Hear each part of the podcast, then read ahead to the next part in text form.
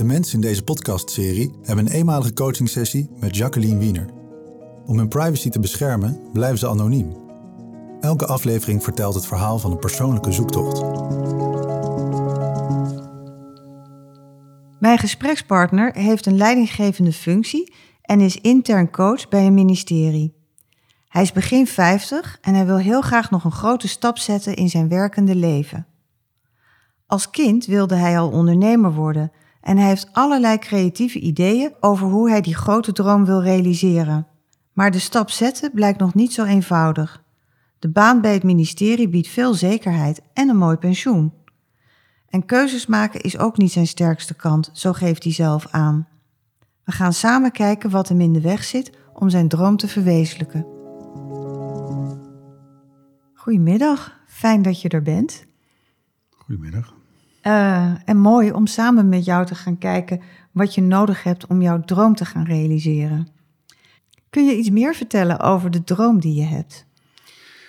Ja, um, eigenlijk al vanaf kinds af aan heb ik een droom om een eigen bedrijf te starten. Ja. Um, vroeger sprak ik met vriendjes over wat we allemaal zouden gaan opzetten. Een uh, oppascentrale of een nieuw drankje. En, uh, en daar is het eigenlijk nooit echt van gekomen. Ik ben gaan studeren en ik heb een baan bij een uh, ministerie. Daar heb ik het op zich naar mijn zin. Maar blijft toch steeds kriebelen, die eigen onderneming. En daar heb ik een aantal jaren ook wel werk van gemaakt. Ik heb acht jaar lang een kleine organisatie uh, gerund. Voor, voor, uh, voor, coaching voor jongeren. Ja. En daar ben ik mee gestopt al een tijdje. En ik merk dat het steeds weer gaat kriebelen. En ehm, dat ik heel veel plannen in mijn hoofd heb om iets te gaan opstarten. En dan begin ik mee, meestal met het registreren van een website.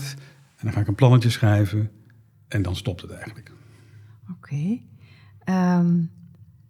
En je zegt, ja, er blijft iets aan je, aan je, aan je trekken. Hè? Je had het al als kind. Uh, kom je uit een ondernemersgezin? Nee, eigenlijk, nee. eigenlijk helemaal niet. Nee. nee. Oké. Okay. Um, en, en wat is je drive om het, om het nu te doen? Ik ben 52. Ja. Uh, ik heb een aardige positie bij uh, de organisatie waar ik werk. Maar het is aan de ene kant ook een soort eindfase daar. Um, ik werk sowieso tot aan mijn pensioen. Hè. Dat is nog Ja. uh, 16 jaar. Maar ik zie ook voor me dat ik, als ik gezond blijf, dat ik daarna ook nog dingen blijf doen die ik interessant vind, nuttig, belangrijk en, en, prettig. Dus um, ja, soms is dat gevoel van werken tot aan je pensioen een beetje een soort doodlopende weg uh, gedachte. En um, dat vind ik wel beklemmend. Ja. Dus ik zoek ook misschien wel, ook wel een weg om me wat vrijer te voelen. Uh, uh, om, het, om mijn eigen weg en mijn toekomst en het einde van mijn loopbaan te bepalen. Ja, dat, je zegt uh, hè, dat je je vrijer wil voelen om zelf dat, die koers uit te zetten. Ja. En um, je hebt allerlei dromen, Mhm. mm -hmm. maar zit er je dan iets in de weg om een stap te gaan zetten? Of, of om, wat je net zei, ik, ik registreer dan een website, ik werk het plan uit... En dan stopt het toch ergens. Heb je enig idee wat dat is? Um, nou, dan begint er ook wel een soort twijfel aan me te knagen van kun je dat wel? En je hebt tot nog toe de weg gekozen van een baan en daar carrière maken, veilig in een organisatie. Hè? Moet je dat, uh, moet je dat aardig nog wel willen? En kun je dat wel? En um, ja, heb ik de vaardigheden wel dus eigenlijk hè, om dat te doen. Mm -hmm. um, en ook uh, de keuzestress slaat toe. Van wat dan? Ik, heb, uh, ik ben ook coach. Ik heb ook een opleiding gedaan tot coach. Ik heb een klein coachpraktijkje ben ik ook ooit gestart.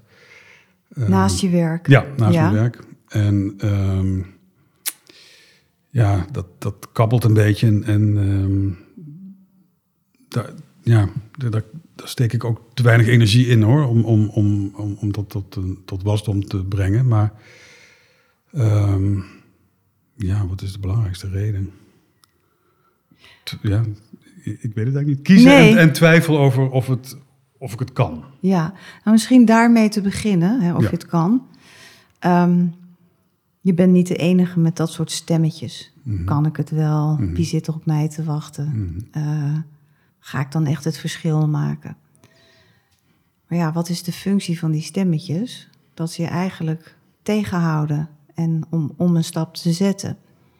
Ehm, en stel nou dat je iets zou beginnen en je zou, en het zou blijken dat je nou ja, er minder plezier uit haalt of dat het niet direct zo succesvol wordt als je hoopt. Wat zou er dan gebeuren? Nou, nu je dit alleen al zegt, komt er al een soort van ontspanning. Dat ik denk inderdaad, ik, ik sta niet meteen op straat. Ehm, zeker niet omdat ik het naast mijn werk doe. Hè. Dus eh, Ja. het, het is misschien, eh, nou ja, de angst om te falen of zo. Dat je dan bevestigd ziet dat je het niet kunt of zo. Dus dat kan ik me voorstellen. Maar praktisch gezien gebeurt er niet, eh, niet veel. De investering die je doet is misschien weg. Maar Oké. ja, Ehm, maar je zegt de angst om, de om te falen en, en daar de bevestiging van te krijgen. Ehm, en dan praat je eigenlijk heel snel door. Ehm, want hoe, hoe erg zou het zijn om te ontdekken, jij noemt het de bevestiging, maar om te ontdekken dat datgene waar je nu steeds over zit na te denken, dat dat misschien toch iets is wat niet bij je past. Mm. Nou, ik denk dat ik daar in het verleden veel meer moeite mee zou hebben gehad. Maar dat ik nu inderdaad denk, dan, oké, dan is dat niet mijn pad. Of, of zeer waarschijnlijk niet. En dan kan ik me ook weer iets, op iets anders richten. Dus eh, ik denk dat het misschien juist verhelderend kan werken ook. Omdat je eerder helder krijgt wat wel en wat niet bij je past. Ja, Ja. ja. En ehm, je zei net van, ja, het is eigenlijk misschien niet zo erg. Ik sta dan niet op straat, want ik doe dat. Ik ga het dan doen naast mijn werk. Mhm. Ehm, en hoe zie je dat dan voor je? Nou, zoals ik het een, paar jaar geleden gedaan heb, is dat op die vrije dag die ik heb. Ik werk vier dagen. Ja. Ehm, was ook maar een kleine organisatie hoor. En eh, wel met de gedachte van stel dat dit groter wordt, zou ik kunnen gaan afbouwen op mijn werk en hier meer tijd in steken. Want Ja. op een gegeven moment moet je natuurlijk wel ook die keuze maken. Ga ik Ja. hier investeren of niet? Want wat je erin stopt, krijg je er ook uit. Ja, En dan, ja, dan zal zo'n moment komen dat je, dat hoor ik ook wel van anderen die deze stap zetten, van op enig moment krijg je het gevoel, nou dit krijgt zoveel tractie, ik kan hiermee verder en het andere laten. Dat, ik denk dat dat een soort gevoelskwestie ook is, dat je het vertrouwen hebt en misschien ook wel concrete cijfers van dit, dit kan ik, eh, hier kan ik eh, meer tijd in gaan steken en het andere steeds meer loslaten. Ik, ik denk dat dat ook wel bij mij past. Ik ben niet iemand die, die al zijn schepen verbrandt en dan maar ziet. Dus dat, dat, daarvan weet ik wel zeker dat dat niet bij me past. oké, dus je wil, sowieso wil je het stapsgewijs doen. Ja, zeker. Ja. Ja. En ehm, heb je wel eens gefaald in je leven? Eh, ja. Kun je er iets over vertellen? ja, is het falen. Hmm. Ik heb nu niet echt een hele concrete grote gebeurtenis. Ik bedoel, het is wel eens eh, in, in kleine zin, zal ik maar zeggen. Dat ik, Oké. Het is interessant, want je zegt, ja, dan zou ik misschien falen. Dan word ik daarin bevestigd. En dan klinkt het heel groot. mhm. En als ik aan jou vraag, heb je wel eens gefaald? Dan is het zo van ja. En vervolgens komt er eigenlijk niet zo heel veel. Ja, kleine dingen. Noem eens een klein ding. Ik zie de angst om te falen vaker voorbij komen bij coaches die daar min of meer geen ervaring mee hebben. Of is het juist dat, dat ze nog niet hebben ontdekt dat falen helemaal niet zo erg hoeft te zijn? We stoppen vaak veel energie in het voorkomen van falen of fouten maken.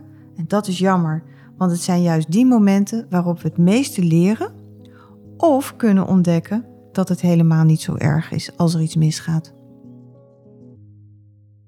Nou, wat nu bij mij te binnen schiet is dat ik eh, een presentatie moest geven voor mijn werk in het buitenland. En eh, dat ik op enig moment niet meer in mijn, wo- uit mijn woorden kwam in het, in het Engels. En dat ik daar als vastgenageld op dat podium stond.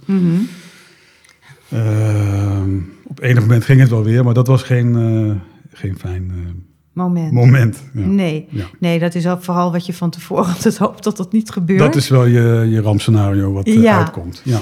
Maar als je er nu op terugkijkt, hè, want je hebt even dan zo'n moment van, nee, dit is niet waar. Hè, je voelt je heel ongemakkelijk.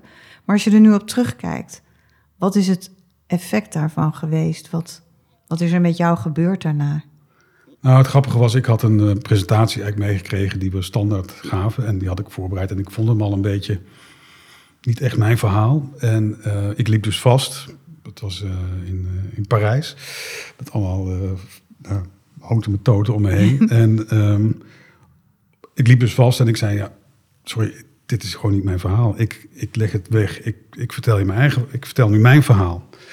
En daar kreeg ik heel veel waardering voor achteraf. Terwijl ik dacht, oei, ik ga nu helemaal buiten protocol en uh, kan het wel. En um, dat was een van de deelnemers die zei, nou, jij, jij bent eigenlijk de, de, eerste van jouw organisatie. Ik heb meer mensen horen spreken die gewoon het echte verhaal vertelt. Dus uh, nu ik er dan zo over nadenk, denk ik, hoezo is dat eigenlijk falen? ja. ja. Nou ja, weet je, het is, het is vaak zo interessant hoe we dingen zeggen zonder erbij stil te ja. staan van waar, waar heb ik het nu over? Ja. En, en als je mij dit verhaal vertelt, dan denk ik, wow, jij hebt een moeilijk moment gehad. Je hebt in dat moment kunnen, ervoor kunnen kiezen om datgene waar je eigenlijk geen goed gevoel bij had, om dat weg te leggen. En je bent helemaal in je eigen kracht gaan staan en jouw verhaal verteld. En je hebt daar nog eens waardering voor gekregen.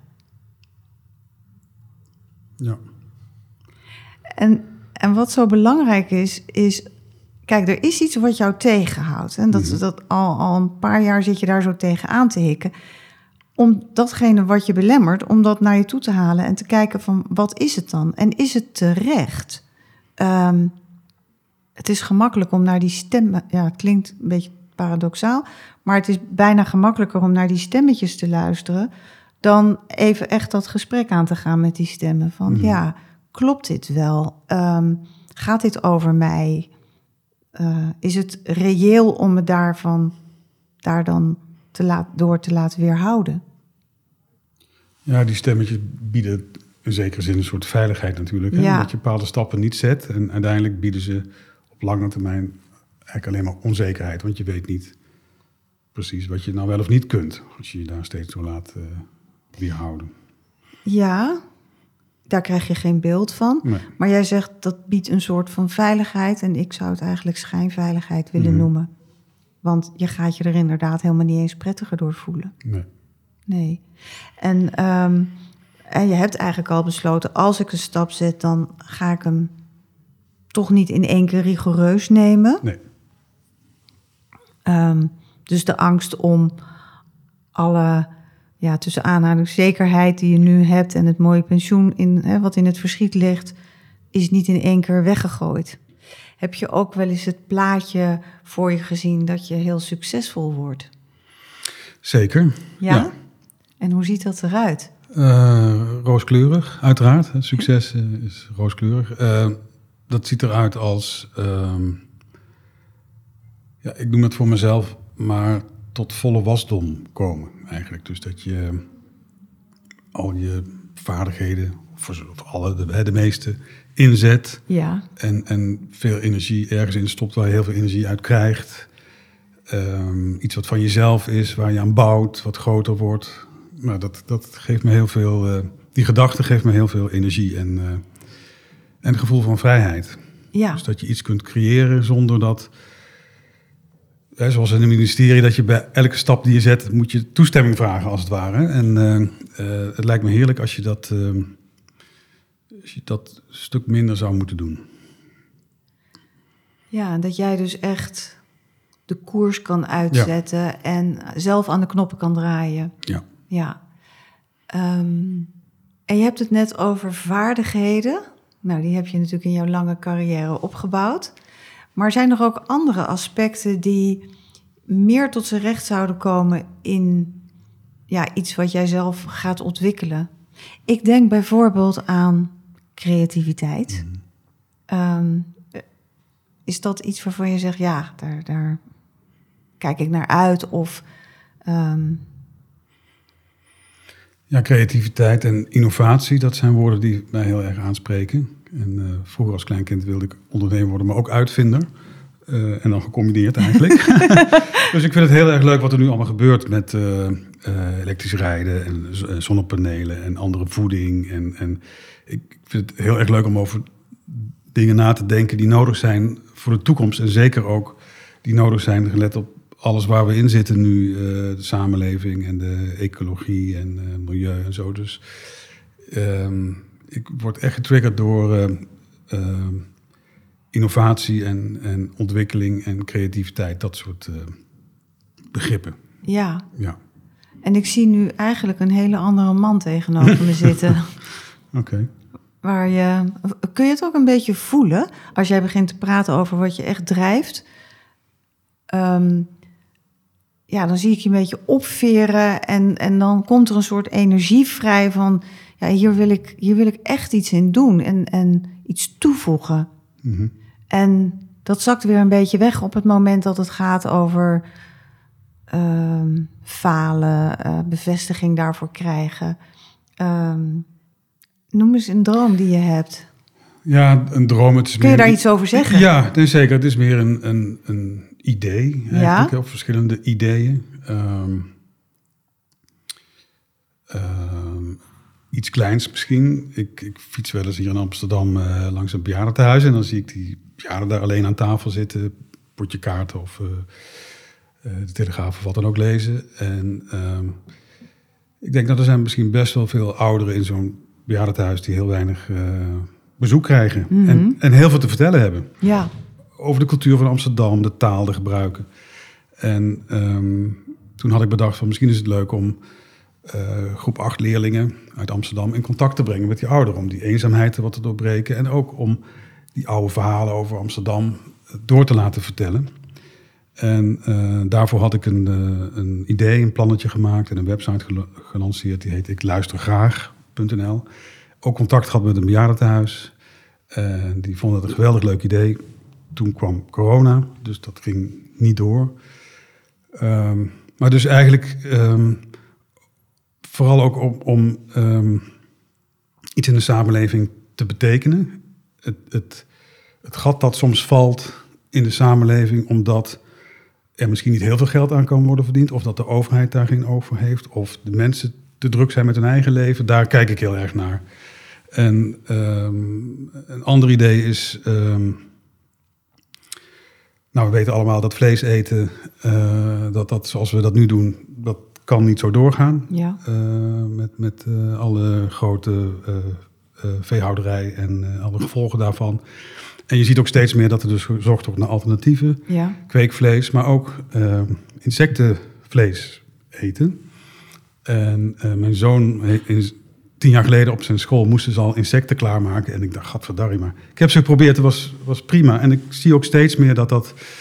ehm, onlangs is het door de Europese Unie ook eh, goedgekeurd als voeding voor mensen. Het was voorheen voeding voor dieren. Nu is het ook goedgekeurd als voeding voor mensen. En daar zijn heel veel mogelijkheden om... eh, en eh, daar heb ik ook een plannetje voor gemaakt. om ervoor te zorgen dat, dat mensen dat vlees ook willen gaan eten. Ik denk dat het dat vooral is. Het is Ja. er, het kan. Alleen mensen vinden het natuurlijk onaantrekkelijk, akelig. En hoe zou je dat nou aantrekkelijk kunnen maken? Daar heb ik ook over nagedacht. Dus eh, dat soort dingen ben ik eh, onder andere mee bezig. Hoor. Dus van allerlei plannen eigenlijk. Oké. Ja. En dan noemde jij zelf keuzestress. Mhm. En ehm, ja, je begon het gesprek met: ik wilde eigenlijk al als klein jongetje eh, ondernemer worden. Mhm. Uitvinder en ondernemer tegelijk misschien wel. Mhm. En als je nu over deze ideeën spreekt, wat past dan bij die wens om en iets heel vernieuwends te doen, maar daar ook, ja, als ondernemer verdien je er ook geld mee. Mhm. Ehm, wat past daar dan bij? Hoe bedoel je pre- precies? Nou, kijk, ehm, zoals jij jouw. jouw ehm, nou, kijk, je zei: Ik heb een aantal dromen en ik wil eigenlijk een van die dromen gaan realiseren. Ik wil eh, de komende 15, 17 jaar, hoe lang het duurt, wil ik echt nog betekenisvol eh, zijn. En ik wil ook ja, iets voor mezelf en zelf aan die knoppen draaien en zelf uh, de koers uitzetten. Toen ging het net ook over zekerheid. En dat betekent natuurlijk, ja, in je baan heb je heel veel zekerheid en dat heb je als ondernemer veel minder. Dus als jij met een plan komt, dan is het ook de bedoeling dat het um, op een gegeven ogenblik gaat renderen. En dan heb je een aantal ideeën, je hebt er nu twee genoemd. Ik vraag me af waar de keuzestress over gaat, namelijk. Uh, want bijvoorbeeld, ik, neem, ik vind het een ontzettend um, ja, mooi idee over de eenzame bejaarden en de kinderen in groep 8 en die met elkaar in gesprek te laten zijn. Voor beide natuurlijk een win-win situatie. Maar ga jij daar je inkomen mee krijgen? Nee, zeker. Daarom, ik, noem het gewoon als een klein voorbeeld. Als, ik, zo komen heel veel dingen bij mij voorbij. En soms denk ik, hier ga ik iets mee doen.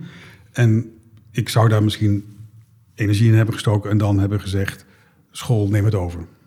Gaat het over uh, keuzestress of gaat het over focus aanbrengen? Dat laatste. Ja? Met name, denk ik. Ja. Kun je daar zelf iets meer over vertellen als het gaat over focus aanbrengen? Waar, waar zit dan de uitdaging? Ik heb een van jouw podcasts beluisterd en daar herinner ik me ook een uh, citaat van iemand die jij toen ook sprak. Die zei: Als ik het voor het een kies, kan ik niet meer voor het andere kiezen. Mm -hmm. is dat keuzestress of. Uh... Of gaat dat over de angst om iets anders te missen of los te laten? Ook. Nou, ik denk ook als je, als je niet ergens echt aan begint, weet je, weet je ook niet wat het betekent. En dan, uh, dan heb je gewoon heel veel ideeën. En dat zegt dan allemaal nog niet zo heel veel. Ja, maar helpt deze redenering jou? als je niet ergens aan begint, dan weet je het ook niet. Maar helpt je dat op weg? Nee, dat helpt me niet op weg. Nee. Nee. nee. Um, ik zit ook even te zoeken. Kijk, als je. Um, je weet wat je wil, waar je behoefte aan hebt. Hè? En, uh, en je hebt verschillende ideeën. En dan gaat het er natuurlijk om. Aan de ene kant van is zo'n idee levensvatbaar, uitvoerbaar? Uh, kun je daar de markt mee veroveren? Maar ik denk dat het allerbelangrijkste is, is waar ga jij nou het meest op aan? Mm Waar gaat jouw hart nou echt van kloppen? Dat je denkt van nou, ik werk nu nog uh, vijf dagen per week. Ik ga dat terugbrengen naar vier. Maar dan ga ik gewoon toch, omdat ik het zo leuk vind en zo interessant vind, ga ik anderhalve dag, ga ik daaraan besteden en kijken en die basis leggen, het uitwerken, praten met verschillende mensen. Um, nou, ik ga op weg. Het valt me op dat hij maar geen keuze lijkt te kunnen maken.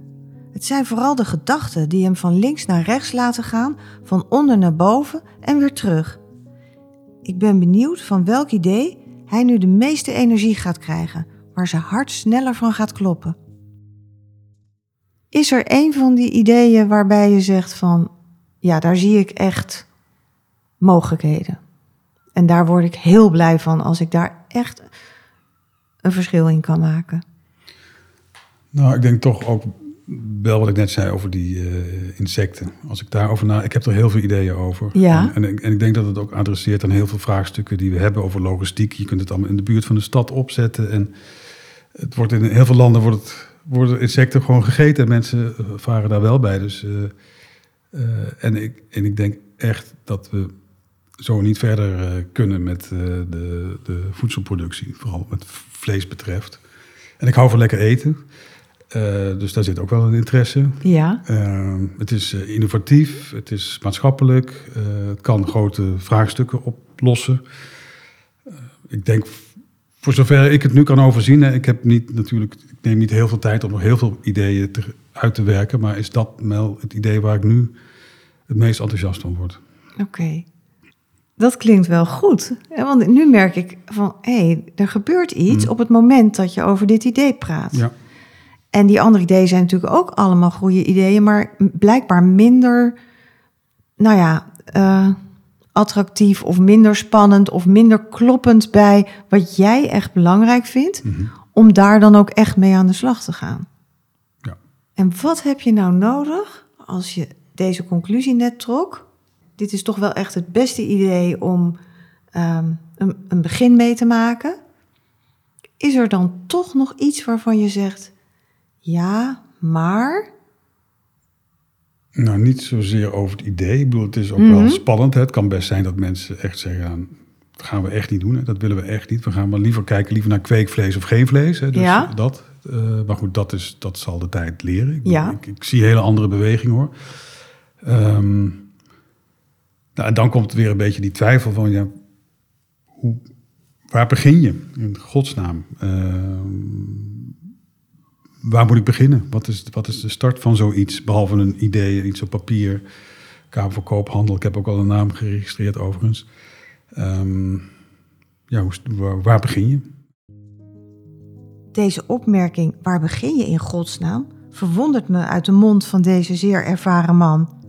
Alsof dit de allereerste keer is dat hij iets zou gaan opzetten. Wat is dat toch? Waarom blijft hij zelf hindernissen op de route zetten? Gaat het toch nog over falen? Of heeft hij moeite zich voor te stellen dat hij echt succesvol zou kunnen zijn? We zijn er dus nog niet helemaal. Als je een eh, nieuw project hebt in je werk, in je huidige werk, Kom je dat ook wel eens tegen? Dat je denkt van, goh, waar begin ik? Ehm, ik heb wat opleidingen gedaan, projectmanagement. Dus ik weet heel goed dat je moet beginnen met de uitvraag. Wat wil de opdrachtgever? Eh, wat moet het resultaat zijn? Eh, wat zijn de voorwaarden? Bla bla bla. Dus op mijn werk lukt het me doorgaans goed om grote projecten te draaien. Ehm, dus meestal heb je wel een concreet einddoel. Dat, dat helpt. Ik vraag me af wat er anders is met dit project ten opzichte van een project wat je in je huidige werk hebt. Als het gaat om hè, eh, de uitvraag, nu is het de opdrachtgever, maar ja, in, in dit project zijn er andere doelgroepen, eh, misschien wel de consument of een producent. En je zegt ik mis dan een concreet einddoel, maar dat, ja, zou je dat niet kunnen gaan formuleren, al doe je dat in gesprek met anderen of samen. Wat is er anders? Nou, concreet anders is dat je... eh, in mijn werk doe ik het nooit alleen. Mhm. Ik ben wel de projectleider, maar dat doe ik altijd samen. Ja, Ehm, dus in je eentje moet je ook altijd jezelf aansporen. Hè? Dus dat, Ja. eh, eh, dat is denk ik ook het nadeel als je naast je werk doet. Hè? Er zijn natuurlijk heel veel andere dingen die je aandacht vragen. Dus voor je het weet ben je zo weer een half jaar verder. Ehm, wat is er anders? nou misschien even hierbij stilstaan. Ja, Ehm, je zegt, ja, nu doe ik, dan zou ik het alleen doen. Heb je dat al besloten? Dat je dit alleen wil of moet gaan doen? Zou het ook anders kunnen? Ja, ik ben er een beetje du- dubbel in. Ik doe het ook graag alleen. Ja. Ehm, omdat ik best, ook best wel eigenwijs ben, eigenlijk toch wel, ben ik achtergekomen. Ehm, dus ja, dat, dat, dat, dat is ook nog een beetje zoeken voor mij. Van, moet het echt alleen inderdaad? En als ik het niet alleen doe, dan moet ik dus ook concessies doen. En ehm, is, ben ik nou niet juist op zoek naar iets waar ik echt mijn eigen koers kan eh, varen? Ja. ja. Ik zeg altijd, kijk naar wat je nodig hebt en kijk wat je kunt doen. Kijk, als jij zegt, ik wil niet echt een compagnon hebben waar we altijd consensus moeten vinden in, alles, in elke stap die we zetten, nou, dan is dat geen goed idee. Maar als jij, misschien heb je wel iemand nodig, ehm, nou, misschien wel een soort van projectleider of een, eh, iemand die jou gaat ondersteunen, maar met wie je wel elke week contact hebt.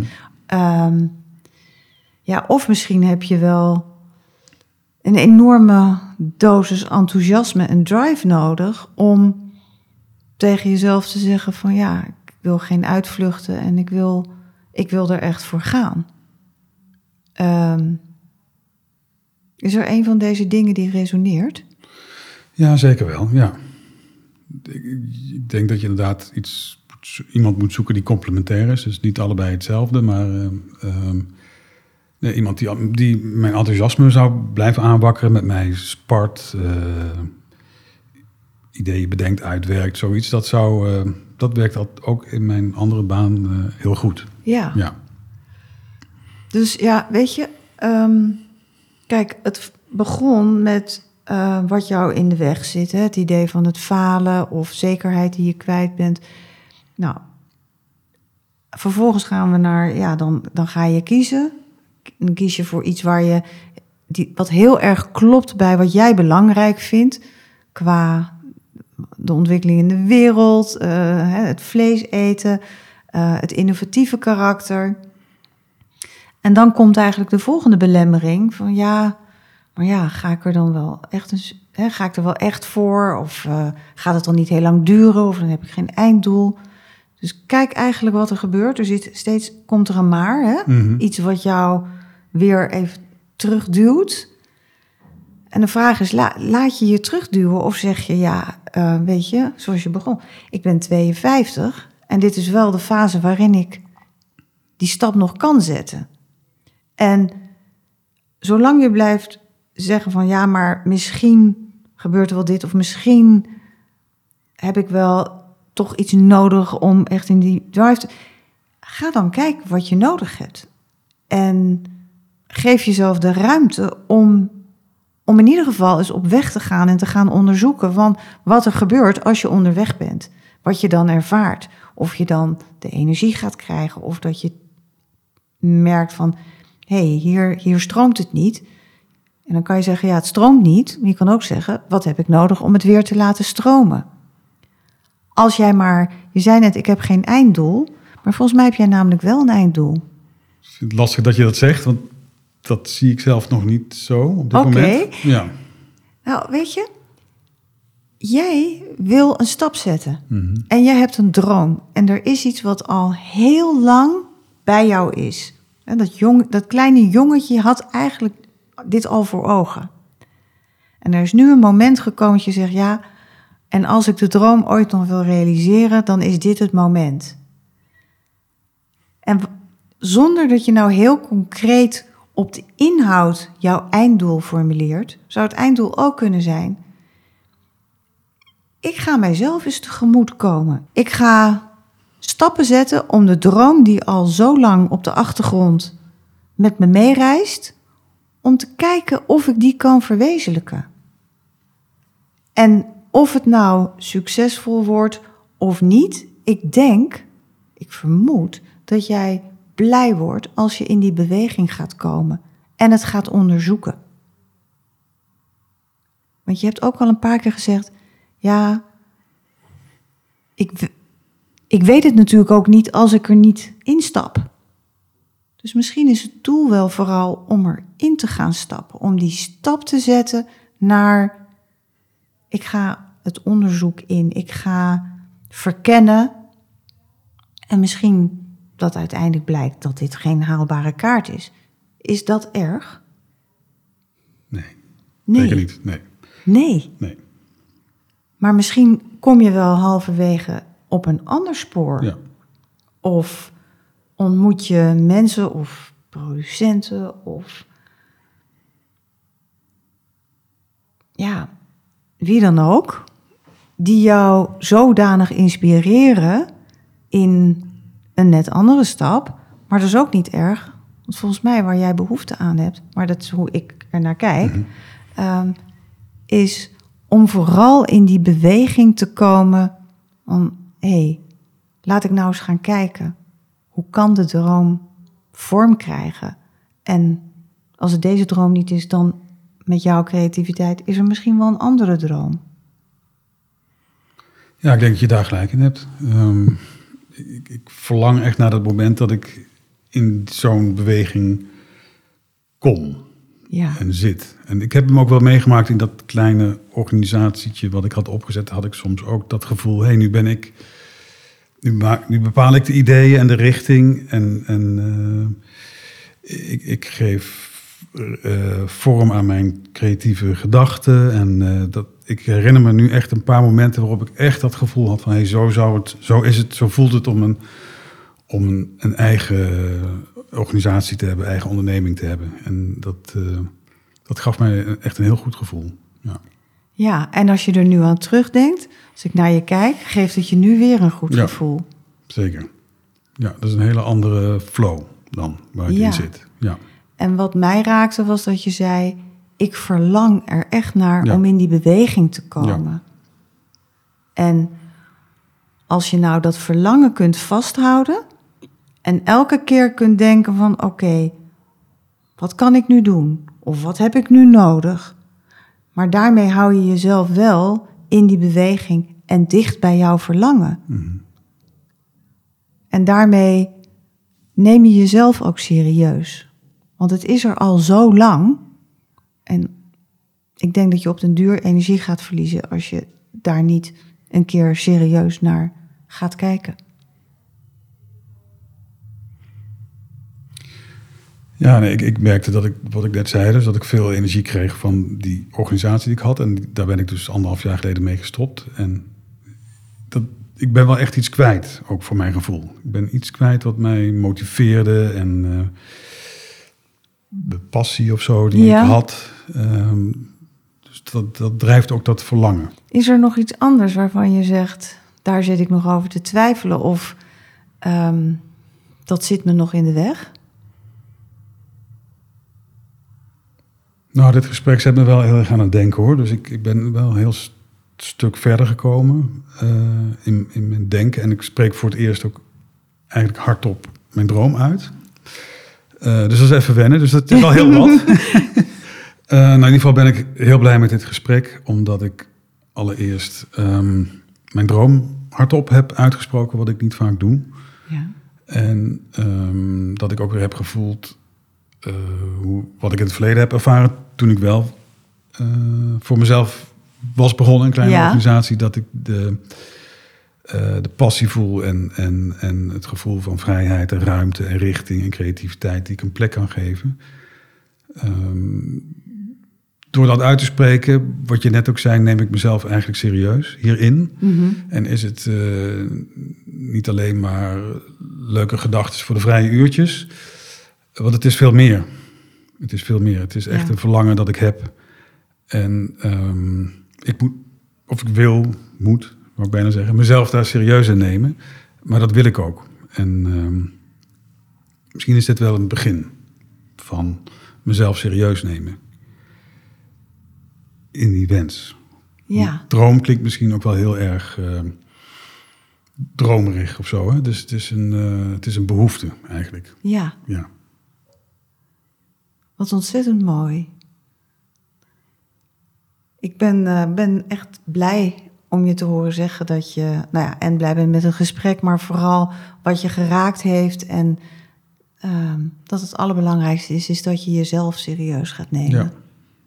Dat was misschien ook wel de wens van mij voorafgaand aan dit gesprek. Ja. Dus, ehm, en ja. dat is denk ik ook nodig om in die beweging te komen. zeker. Ja. Het voelt heel anders. Ehm, wat ik net zei, dat ik dit nu eens een keer hardop zeg, eh, maakt het echt anders. Ja, dan ga je er ook echt voor staan, ja. hè? Ja, Ja. ja. Ik wens je heel veel succes, maar vooral heel veel plezier. En, eh, en genieten in, eh, in dat stuk vormgeven wat voor jou zo belangrijk is. Dankjewel. Dank voor dit gesprek. Graag gedaan. Dankjewel voor het luisteren naar Van Binnen, de podcast van Jacqueline Wiener. Heb je vragen naar aanleiding van deze aflevering of wil je zelf een keer in gesprek met Jacqueline? Kijk dan op de website jacquelinewiener.nl.